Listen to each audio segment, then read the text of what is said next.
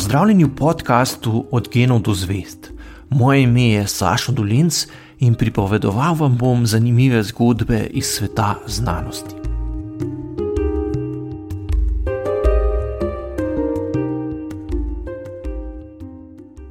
Pisanje in urejanje zapiskov je izjemno pomemben del vsakega študija. Z zapisovanjem ključnih idej ne le povzemamo, kar smo slišali ali prebrali, temveč razvijamo tudi lastno razumevanje vsebine. Vendar niso vsi pristopi k zapisovanju enako učinkoviti. Večinoma si ideje zapisujemo v zvezke, da jih lahko razmeroma preprosto najdemo, ko jih potrebujemo, oziroma ko utrjujemo svoje znanje. Tudi skozi stoletja so nekateri učenjaki iznašli tudi bistveno drugačne načine za beleženje misli, ki močno presegajo zapisovanje idej v zvezke. Razvili so nove, inovativne pristope za shranjevanje idej, ki morda sprva zahtevajo več truda, vendar se dolgoročno izkažejo za izjemno koristne in učinkovite.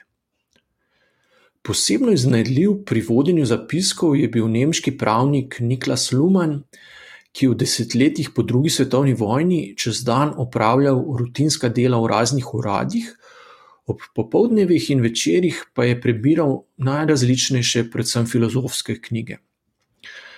Vsako zanimivo misel, na katero je naletel med branjem, si je zapisal na majhen list papirja, pri čemer je na eni strani navedel podatke v knjigi, na drugi pa v nekaj stavkih povzel bistvo ideje. Nato je zapiske na enako velikih lističih oziroma karticah sistematično oštevilčil in opremil s ključnimi besedami ter jih shranil v sistem škatlic oziroma predalčkov, kakršne so nekoč poznali v knjižnicah. Z leti se je obseg njegovih beležk povečal in postajal vse bolj podoben nekakšni zasebni, visoko specializirani papirnati Wikipediji. Vendar se Luhmann ni ustavil le pri ustvarjanju izpiskov. Pogosto je na mizo razgrnil vse lističe, ki jih je zbral na določeno temo, jih na novo razporedil in dodal nove kartice z idejami, ki jih je dobil med ponovnim branjem in povzemanjem že zapisanih idej. Zgodba o izvirnem sistemu za vodenje zapiskov morda v resnici ni bila tako vznemirljiva, kot jo opisuje v nekaterih knjigah. A dosežki Niklasa Luhmanna so vsekakor impresivni. Še preden je doktoriral, so ga namreč povabili, da se pridruži osebju nove nemške raziskovalne univerze.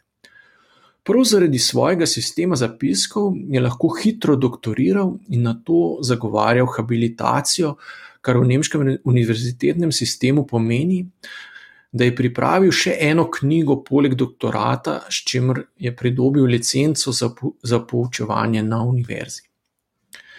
Ko je leta 1968 prevzel profesorsko mesto, je moral javno predstaviti še svoj raziskovalni načrt. Bil je skromen v besedah, a ambiciozen v ciljih.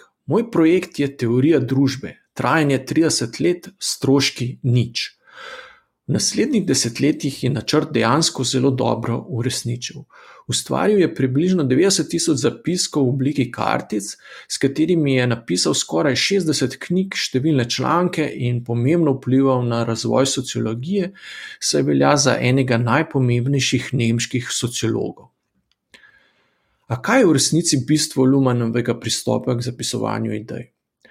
Kot je sam povzel svoj delovni proces, je pri njem razmišljanje večinoma potekalo v škatli za kartice in ne v glavi. To seveda ne drži dobesedno, a vseeno dokaj nazorno povzame bistvo postopka. S sistemom medsebojno povezanih beležk na lističih papirja mu je namreč uspelo zelo dobro nadgraditi in dopolniti možganski sistem, ki ga ljudje uporabljamo za pomnjenje in razmišljanje. Ker človeški možgani ne morejo aktivno razmišljati o več kot o le nekaj idejah hkrati, je ena od pomembnih veščin dobrih mislecev, da znajo ideje hitro priklicati iz spomina. Ta sposobnost jim omogoča, da lahko naučeno znanje vse skozi aktivno uporabljajo in vključujejo v nove misli. Nažalost pa vse ideje v človeških možganjih niso shranjene na način, da se jih lahko hitro spomnimo, ko jih potrebujemo. Tako kot so zapiski v obliki kartic uporabni le, če smo vzpostavili tudi učinkovit sistem za hitro, hitro indeksacijo oziroma hitro iskanje vseh kartic na določeno temo, je tudi znanje v možganjih zares uporabno šele, če ga znamo hitro priklicati spomina in uporabiti v različnih okoliščinah. Dobro uporabno znanje je običajno organizirano v mrežo medsebojno povezanih in hierarhično strukturiranih idej, kar pa nepovezana dejstva, ki se jih naučimo na pamet in jih lahko ponovimo le v enem samem vrstnem redu, večinoma niso. Ker se spomini v možganjih krepijo predvsem takrat, ko jih poskušamo ponovno priklicati v zavest ali ko želimo z njimi nekaj narediti, je za kakovostno učenje pomembno, da poskušamo nove ideje vse skozi čim večkrat uporabljati v različnih kontekstih in jih tako čim bolj povezati z drugim znanjem, ki ga že imamo. Bistvo Lumenovega postopka, zaradi katerega je bil verjetno tako uspešen na akademskem področju, je bilo, da je svoje prejšnje zapiske vse skozi sistematično nadgrajeval. Nove ideje, ne glede na to, ali jih je prebral v knjigah ali ustvaril z lastnim razmišljanjem, je vedno umestil v že zgrajen sistem papirnatih kartic oziroma v sistem svojega predhodnega znanja.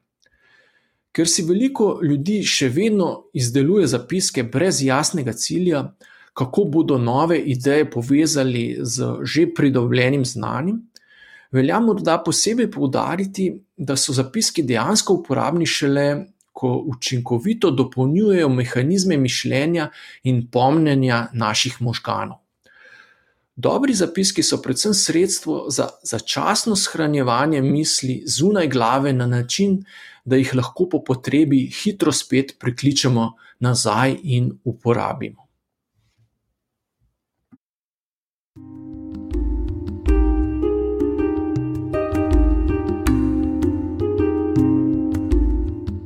To je bil podcast Od genov do zvest. Moje ime je Saša Dolence in z novo zgodbo se vam oglasim že k malu.